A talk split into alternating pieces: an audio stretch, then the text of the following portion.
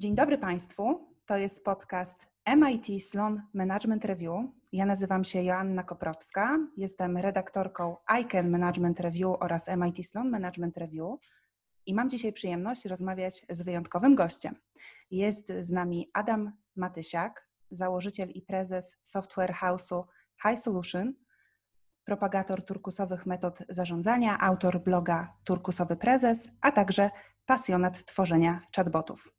Dzień dobry, Adamie. Witaj, Joanno, cześć. Wszystko się zgadza? Coś byś dodał jeszcze? E, no myślę, że można o każdym powiedzieć dużo rzeczy, ale myślę, że całkiem dobrze opisałaś mnie. Bardzo się cieszę. E, Adamie, minęło już pół roku od wybuchu pandemii. E, większość firm jakoś ten czas przetrwała. Z naszych obserwacji wynika, że najlepiej radziły sobie firmy technologiczne i te, które od dłuższego czasu inwestowały w cyfrową transformację. Z drugiej strony jednak ta pandemia i przymusowy lockdown były takim rodzajem zimnego prysznicu i wiele firm, które dotychczas prowadziły na przykład tradycyjną sprzedaż, ocknęło się i zaczęło budować też kanały sprzedaży online. Ja chciałam dzisiaj z Tobą porozmawiać o tym, jak online może stać się taką trampoliną do rozwoju firmy, a nie źródłem niekończących się kosztów, problemów E, jakichś tam kłopotów. Dlatego chciałabym e, porozmawiać z Tobą przede wszystkim o e, typowych błędach, pułapkach, w które firmy wpadają, uruchamiając tak na szybko, czasami prowizorycznie, kanały sprzedaży online. Co sądzisz o tym, o, o tych praktykach? Tak, znaczy no, temat jest na pewno bardzo złożony i myślę, że każda firma ma swoje problemy i też każda ma inne doświadczenia i też każda ma inne wyzwania przed sobą i też jest w innej sytuacji. No ale to jest też coś, co my się zajmujemy w zasadzie od, od początku naszego istnienia, czyli od ponad 9 lat, żeby właśnie pomagać firmom być online, czy to poprzez stronę internetową, czy przez jakieś systemy do obsługi klientów. E, no i widzimy ewidentnie, że pandemia jakby pokazała, że brak takich e, działań w firmie może spowodować duże problemy, ale to jakby myślę, że jest taka normalna rzecz w biznesie, że powinniśmy dywersyfikować kanały sprzedaży, kanały dotarcia do klientów i to tym teraz już widać, że tym bardziej online już nie może zostać e, pominięty. Więc powiedzmy dla mojej firmy to dobrze, ale myślę, że dla wszystkich to będzie dobrze, że po prostu będziemy szli w coś, co już jakby jest ugruntowane i sprawdzone i można korzystać po prostu z gotowych rozwiązań, mniej lub bardziej oczywiście, ale no na pewno myślę, że to też jest kwestia mentalna, że wielu, wiele, wiele firm jeszcze uważa, że albo ten wirus minie, bo pewnie minie mam nadzieję, że minie jak najszybciej, e, ale kiedyś będzie kolejny wirus, albo będzie kolejny jakiś lockdown, albo coś innego wydarzy, albo znowu będziemy musieli pracować zdalnie, więc przede wszystkim trzeba, myślę, mieć tą, ten mindset, że ok, musimy być już zdalni, musimy być online, bo to jak się drugi raz wydarzy, to już możemy nie przetrwać na przykład tego, więc myślę, że to jest taka bardzo, bardzo ważna rzecz, że trzeba w ogóle zacząć od zmiany myślenia, a jak już zmienimy myślenie, to trochę prościej jest będzie e, myśleć o, o, o zmianach, więc e, tak naprawdę w ogóle wchodzimy właśnie cały trend transformacji cyfrowej, e, która jest dosyć dużym zagadnieniem, bo to nie jest tylko, że zrobimy sobie jakiś, nie wiem, wdrożymy sobie CRM-a, czy wdrożymy sobie ERP i już mamy, jesteśmy cyfrowi, tylko właśnie chodzi, żeby zmieniać nasze procesy, żeby były jak, bardziej, jak najbardziej cyfrowe i to też niekoniecznie chodzi, że będziemy coraz mniej ludzką firmą, tylko że właśnie te wszystkie rzeczy, które mogą się działać automatycznie, będą się działy automatycznie, a pozostałe rzeczy, które właśnie są esencją naszego biznesu, to będą ludzie właśnie mogli e, wykonywać. Więc na pewno zacząłbym od mindsetu, to trzeba zmienić, e, jeżeli nie mamy już od razu, że wiemy, że trzeba inwestować w działania IT, e, a potem właśnie zastanowić się, gdzie mamy największe problemy, a sprzedaż online no to zawsze jest taki temat, gdzie zawsze może być lepiej, e, zawsze mm, może być skuteczniej albo opłacalniej, więc e, tutaj jakby na pewno jest kilka rzeczy, które możemy zrobić w tym, żeby właśnie ta sprzedaż online była po prostu dla nas bardziej opłacalna. Czy możesz podać jakieś przykłady, bo też y, troszkę tak było, że w czasie tego, tej pandemii, lockdownu wiele firm na szybko uruchamiało swoje kanały sprzedaży online, a w pośpiechu oczywiście jest bardzo łatwo o błędy, dlatego ja chciałabym Cię poprosić o wymienienie takich kilku podstawowych błędów, które Ty zaobserwowałeś w przestrzeni biznesowej ostatnimi czasy, ale też właśnie o to, jak zrobić to lepiej, bo sam mhm. wspominałeś o tym, że jest kilka rzeczy, które ułatwiają usprawnienie tego kanału mm, online. Tak, tak. Znaczy, no więc y, tak naprawdę jeśli chodzi o błędy, to najczęściej jest właśnie kwestia, że to po prostu jest proste i łatwe, albo po prostu, że przenosimy działania z offline do online i to na pewno zadziała. To tak niestety nie działa, więc na przykład y, reklamy, znaczy nie na przykład banery reklamowe, outdoorowe to zupełnie co innego trzeba mieć w internecie, a widziałem, że wiele firm próbowało na przykład zrobić to samo. Więc tutaj jakby, znaczy to też jakby rozumiem, że to jest kwestia oszczędności kosztów, bo nie trzeba tego projektować od nowa, czy zatrudniać agencji, która nam to się zajmie, ale właśnie mimo wszystko, jeżeli klient się sparzy na kontakcie z nami online, no to może drugi raz już nie wrócić. Konkurencja zawsze jakaś jest, która może mieć większe doświadczenie, więc na pewno e, myślę, że pierwsza rzecz, o którą trzeba na pewno zadbać, to jest y, podejście zorientowane na klienta i jest na przykład taki właśnie bardzo trendy teraz omni-channel, czyli po prostu, żeby być wszędzie tam, gdzie klient chce mieć z nami kontakt styku. Jeżeli to będzie e-mail, no to żebyśmy byli na, pod e-mailem, jeżeli to jest telefon, to żebyśmy byli pod telefonem. Jeżeli to jest strona internetowa, no to żebyśmy mieli dobrą stronę internetową, która daje wszystkie treści, ale jeżeli to jest na przykład Messenger i Facebook, no to jeżeli tam nasi klienci są albo korzystają e, z Facebooka, a też są naszymi klientami, no to może powinniśmy być tam. Więc tak naprawdę pomyślenie, tak naprawdę zastanowienie się, kim jest nasz klient e, i czego on potrzebuje w stosunku od nas i gdzie, gdzie, gdzie nas potrzebuje, bo powiedzmy w Polsce na przykład Twitter nie jest popularny, ale no za granicą obsługa przez Twittera jest standardowa i normalna. U nas to właśnie bardziej byłby na przykład Messenger, e, ale oczywiście, jeżeli mamy bardziej powiedzmy standardowych klientów, no to może być właśnie e-mail, telefon e, albo po prostu nawet live chat na, na stronie. Więc myślę, że pierwsza rzecz no to właśnie w ogóle zastanowić się, co zawsze doradzam, nawet jak tworzymy nową stronę, czy system, czy jakąkolwiek usługę dla klienta, to zastanowić się, kim jest nasz klient, czego on potrzebuje, gdzie on będzie miał punkty styku z nami, no i po prostu tam być, tam gdzie on nas y, będzie potrzebował. I myślę, że wiele firm tego nie robi, po prostu mówi, no tutaj jest telefon, a na przykład klienci nie lubią się kontaktować telefonicznie niektórzy, no to wtedy tracimy trochę e, możliwości, albo tracimy klientów, albo ten klient jest mniej zadowolony z tego, e, co, co działamy. Więc to taka pierwsza rzecz, no myślę, którą na pewno bym wymienił.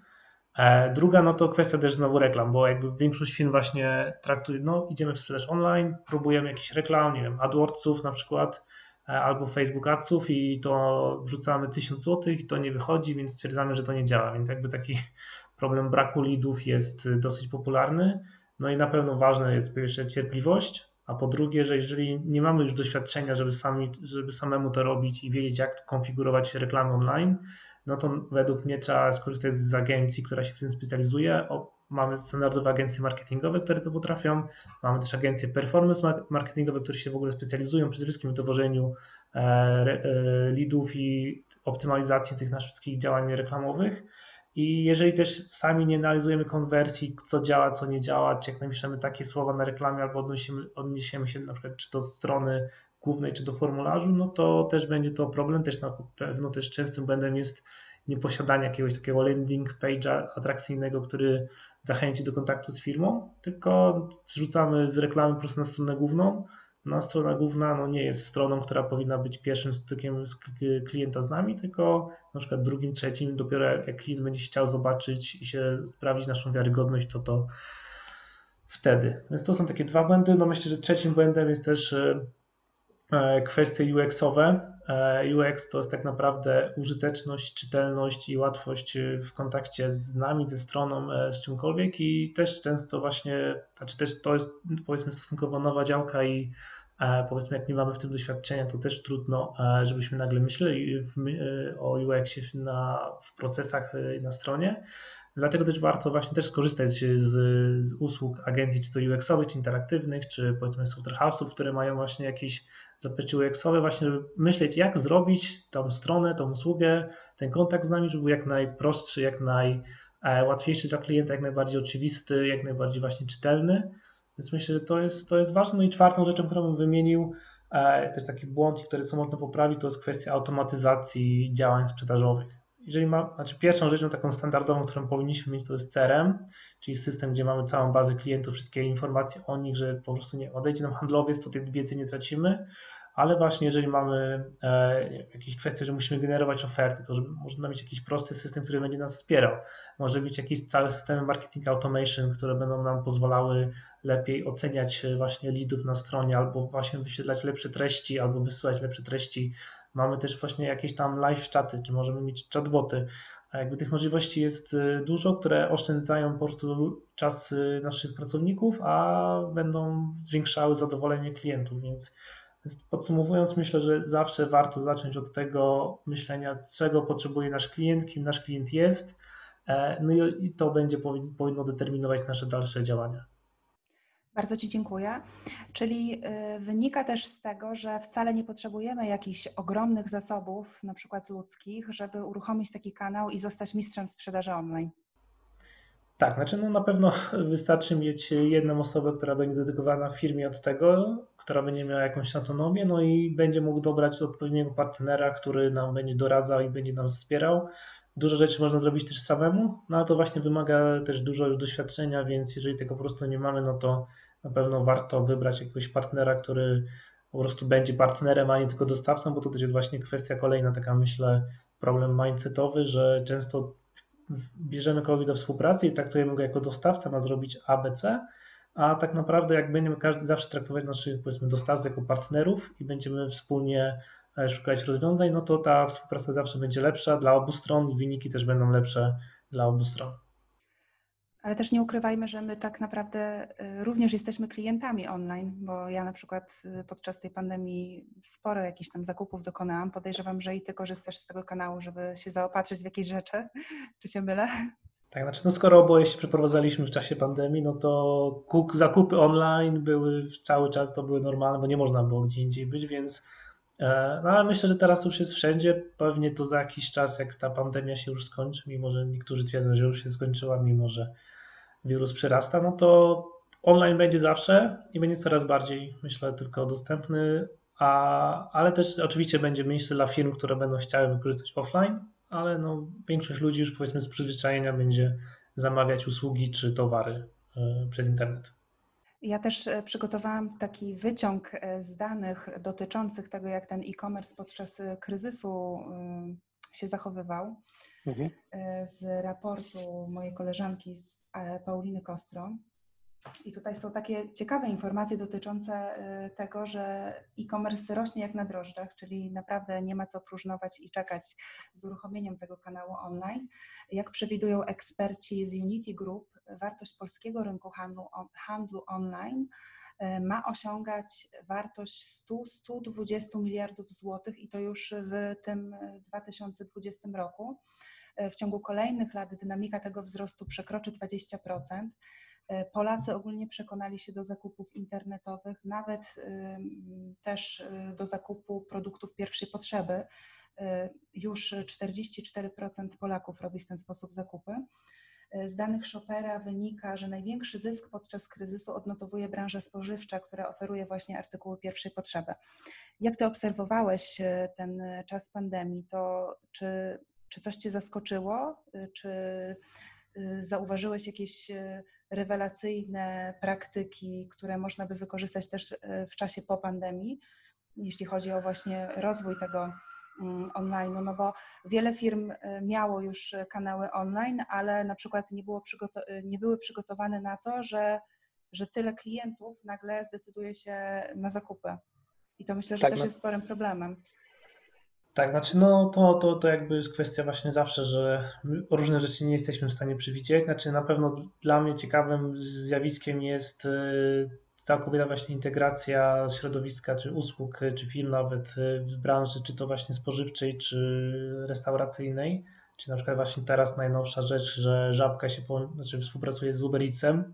No to jest coś, co, znaczy raz, że Żabka wpierw wprowadziła ten swój system click and collect, że i to też chyba wprowadzili w dwa tygodnie albo w miesiąc i to też poznański Software House wiem, że wykonał, e, więc to było dużo osiągnięcie technologiczne, że oni to zrobili szybko i po prostu zareagowali na potrzebę, no a teraz dalej inwestują i zrobili po prostu e, kolejną integrację z innym jeszcze graczem, więc e, to jest na pewno ciekawa rzecz.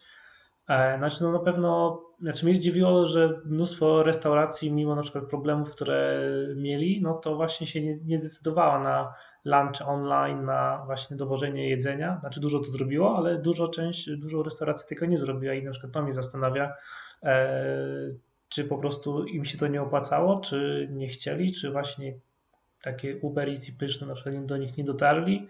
To mnie na przykład zastanawia, jak to się wydarzyło, że właśnie wiele knajp w ogóle też w ogóle usługa lunchów online, przynajmniej w Poznaniu, e, nie, nie, nie powstała, więc e, to, to jest dla mnie na przykład ciekawe jakieś zjawisko. Ja wiem, że warszawscy restauratorzy założyli taką spółdzielnię, żeby właśnie nie korzystać z usług Uber Eats e, czy innych platform takich do zakupu jedzenia, ze względu na to, że tam ponoć e, potężne prowizje pobierają te platformy. Żeby się uchronić przed tymi prowizjami, to powstał, teraz nie pamiętam nazwy, mogę ją odszukać, taka spółdzielnia założona przez kilku restauratorów, którzy skrzyknęli całą po prostu śmietankę restauratorów mhm. z Warszawy i uruchomili taki kanał własny sprzedaży online, tylko że on jest mniej popularny niż te wszystkie platformy platformy, które dobrze, dobrze znamy, więc i tak e, stamtąd nie było jakiejś dużej e, sprzedaży z tego, co, e, co mówili mi użytkownicy. No ale właśnie wszystko to jest kwestia reklamy, bo gdyby to odpowiednio zareklamować i właśnie powiedzieć, że to jest polscy restauratorzy, polskie, powiedzmy polskie jedzenie i jakby w tą stronę pójść i właśnie mówić, że jest taniej czy lepiej niż w Ubericie, no bo wiadomo, że jak mamy Uberica, pyszne.pl czy nawet jakiekolwiek inne usługi agregacyjne, no to one będą pobierać dużą prowizję, tak samo jak Booking czy Airbnb, no to one pobierają bardzo dużą prowizję i jeszcze kwestia momentu płatności też jest y, mocno opóźniona, e, więc na pewno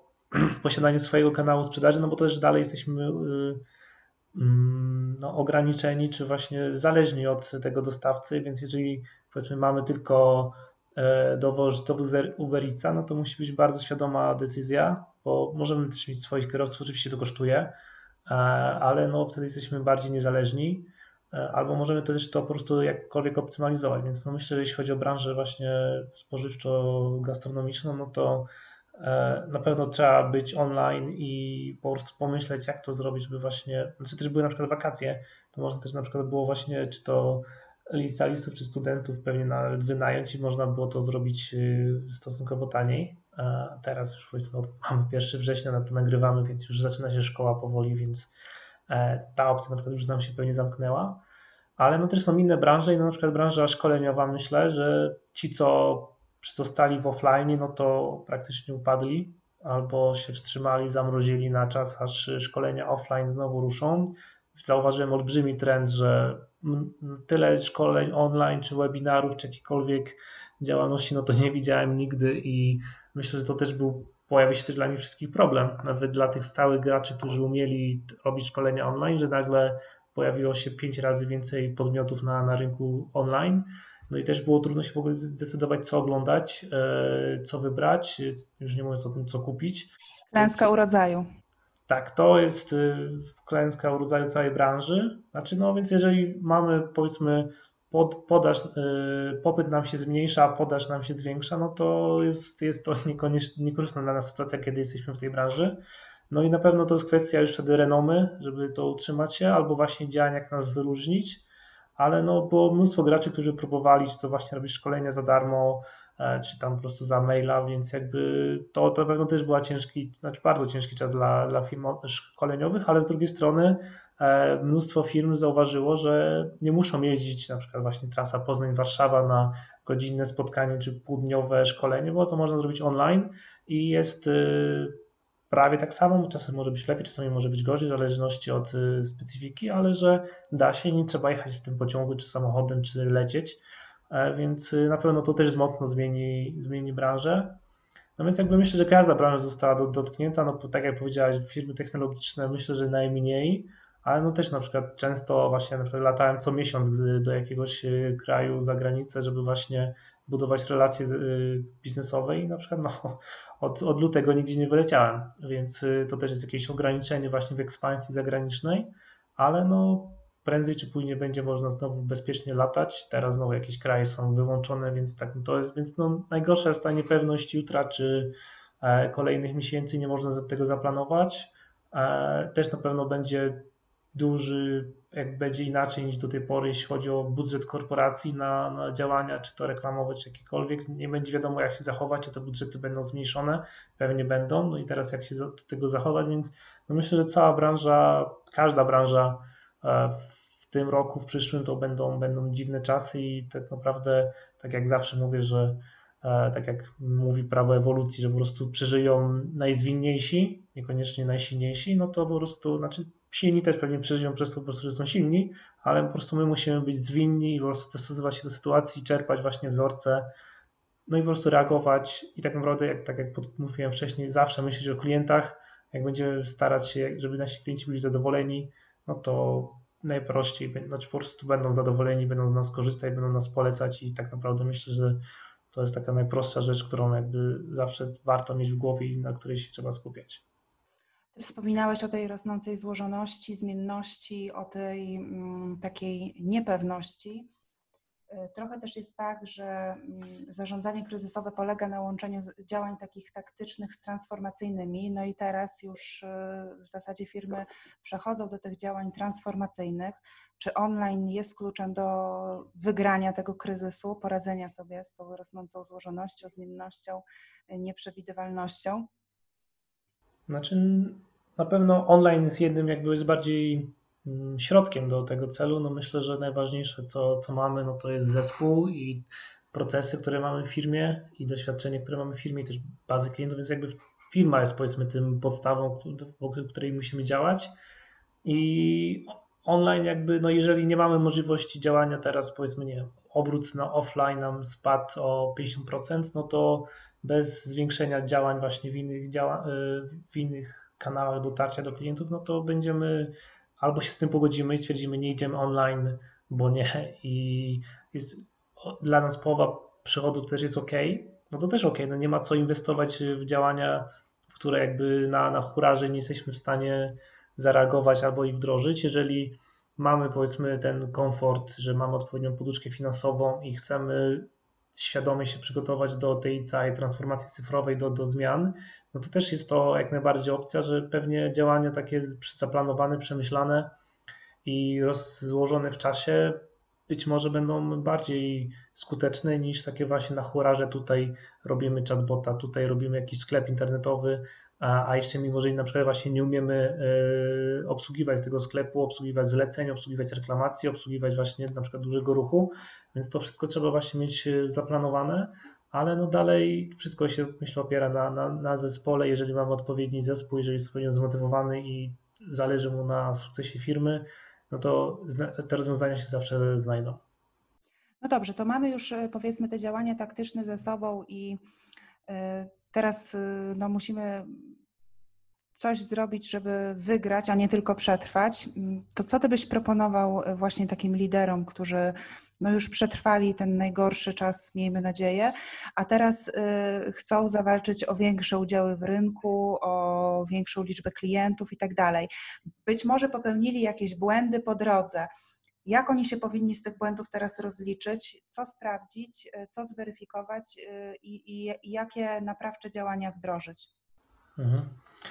Znaczy, no więc y, pierwsza rzecz, no to na pewno jest kwestia zastanowienia się, gdzie jesteśmy i co, a gdzie chcemy być i co się wydarzyło przez ostatni czas i też właśnie co zrobiliśmy. Znaczy to taki standardowy e, stop, start, continue, czyli właśnie co powinniśmy nadal robić, czego już nie powinniśmy robić, a co powinniśmy zacząć robić, więc y, tak naprawdę tutaj jakby to jest taka prosta metoda, żeby właśnie się zastanowić, co chcemy robić i co powinniśmy robić więc jeżeli to sobie już wyciągniemy wnioski i stwierdzimy, OK, chcemy być e, tam i tam, no to następnie mamy różne możliwości, żeby podejrzeć, co robi konkurencja.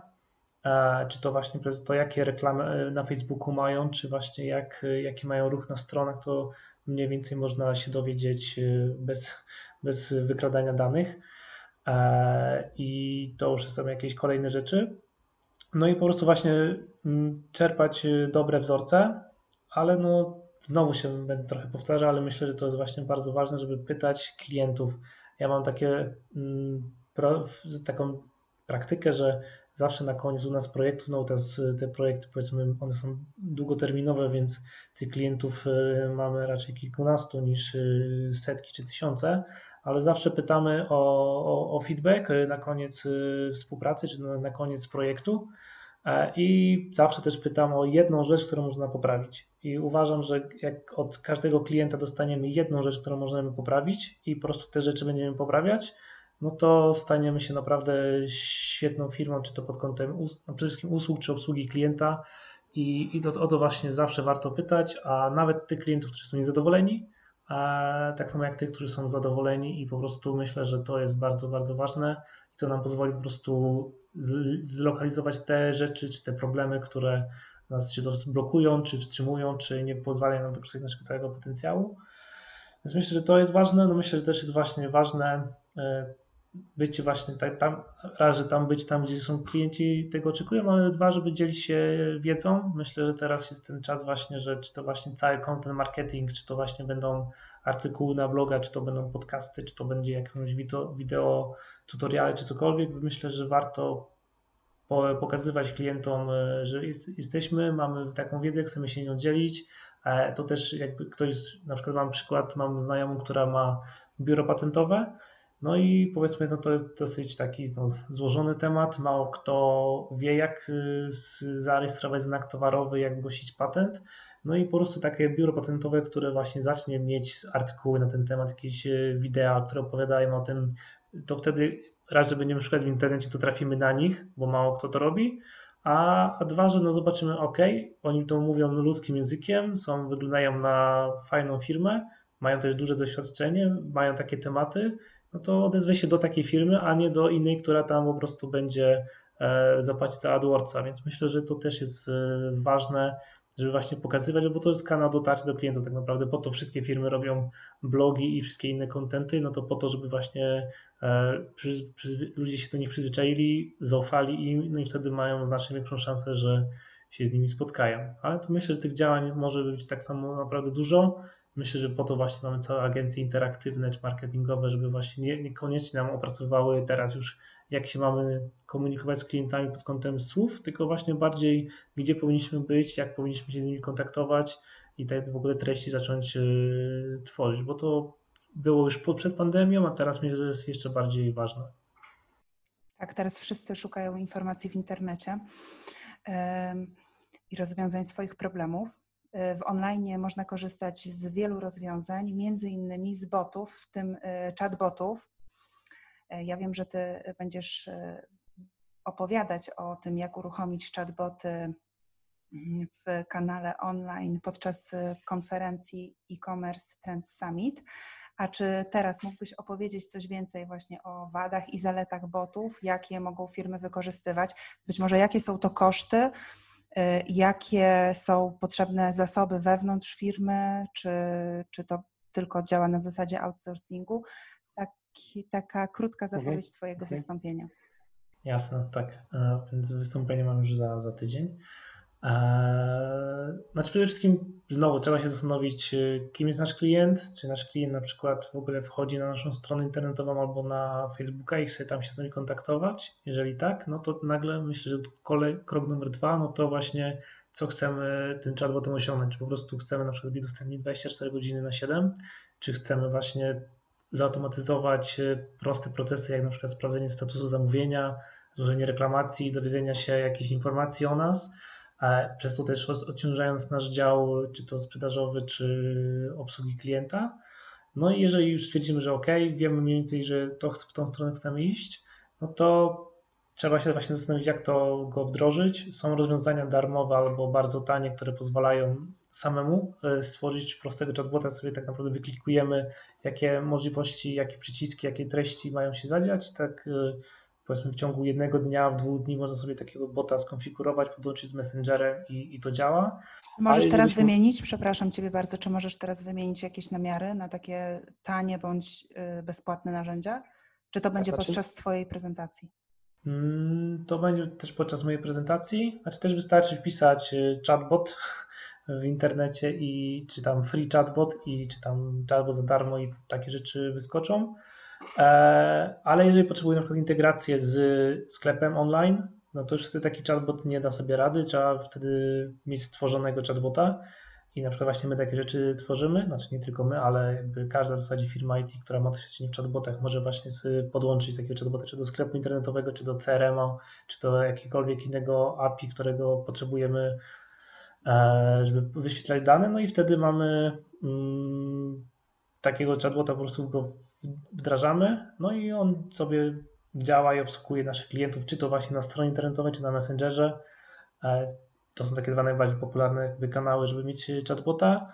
Koszt y, to tak naprawdę to właśnie może być myślę, że i 10 tysięcy, a może być i 100 tysięcy w zależności od tego, jak on ma być zaawansowany, czy wykorzystujemy jakieś mechanizmy sztucznej inteligencji, czy, czy nie, ile właśnie mamy mieć tej integracji, ile będzie scenariuszy, więc Myślę, że ja zawsze doradzam po prostu by iść małymi krokami, czyli by sobie wdrożyć na przykład coś prostego, czy to właśnie przez siebie zrobionego, czy przez właśnie współpracę z jakąś firmą IT, czy tam agencją marketingową i po prostu taką pro, proste rzeczy, prost, jedną na przykład, żeby zrobić tą właśnie jedną rzecz bardzo dobrze e, i wtedy w ogóle zobaczyć, czy klienci z tego korzystają, e, czy są zadowoleni, czy to w ogóle się sprawdza, no bo bez sensu wydawać 100 tysięcy, czy tam 50 tysięcy na, na chatbota, który nikt z, tego, z niego nie będzie korzystał, więc y, myślę, że iść, warto iść małymi krokami. No jeśli chodzi o wady, no to myślę, że wszystkim wadą jest taką, że wszyscy myślimy, że chatbot to już jest taka sztuczna inteligencja, że w zasadzie będziemy pisać e, z komputerem, ale będzie wyglądał jak człowiek. E, to tak jeszcze nie działa, takich chatbotów prawie nie ma, e, a jeżeli są to w bardzo krótych, zawężonych dziedzinach, myślę, że to będzie się zmieniało. E, ale dalej naj, ten najprostszy, czyli po prostu, że sobie klikamy, wybieramy sobie jakieś rzeczy albo po prostu zadajemy jakieś pytania i on próbuje zgadnąć, no to to jest najczęściej spotykane rozwiązanie i one też po prostu działają najszybciej, najsprawniej. E, też pojawiają się voiceboty. Myślę, że jak zadzwonimy raz na jakiś czas na infolinię telekomów czy firm kurierskich, to już słyszymy, że nie rozmawiamy z człowiekiem, a z, z, z jakąś maszyną. To też jeszcze nie działa idealnie, ale coraz, coraz lepiej. Więc y, to na pewno będzie szło w tą stronę, bo ja też po prostu jestem zdania, że tak jak ze wszystkim w IT, że trzeba automatyzować to, co się da, żeby właśnie każdy człowiek mógł robić te bardziej kreatywne, te bardziej ciekawe działania.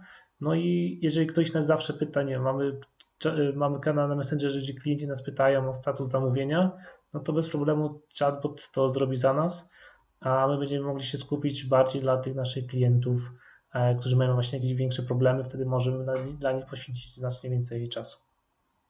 Bardzo Ci dziękuję. Zapowiada się niezwykle interesująca prelekcja.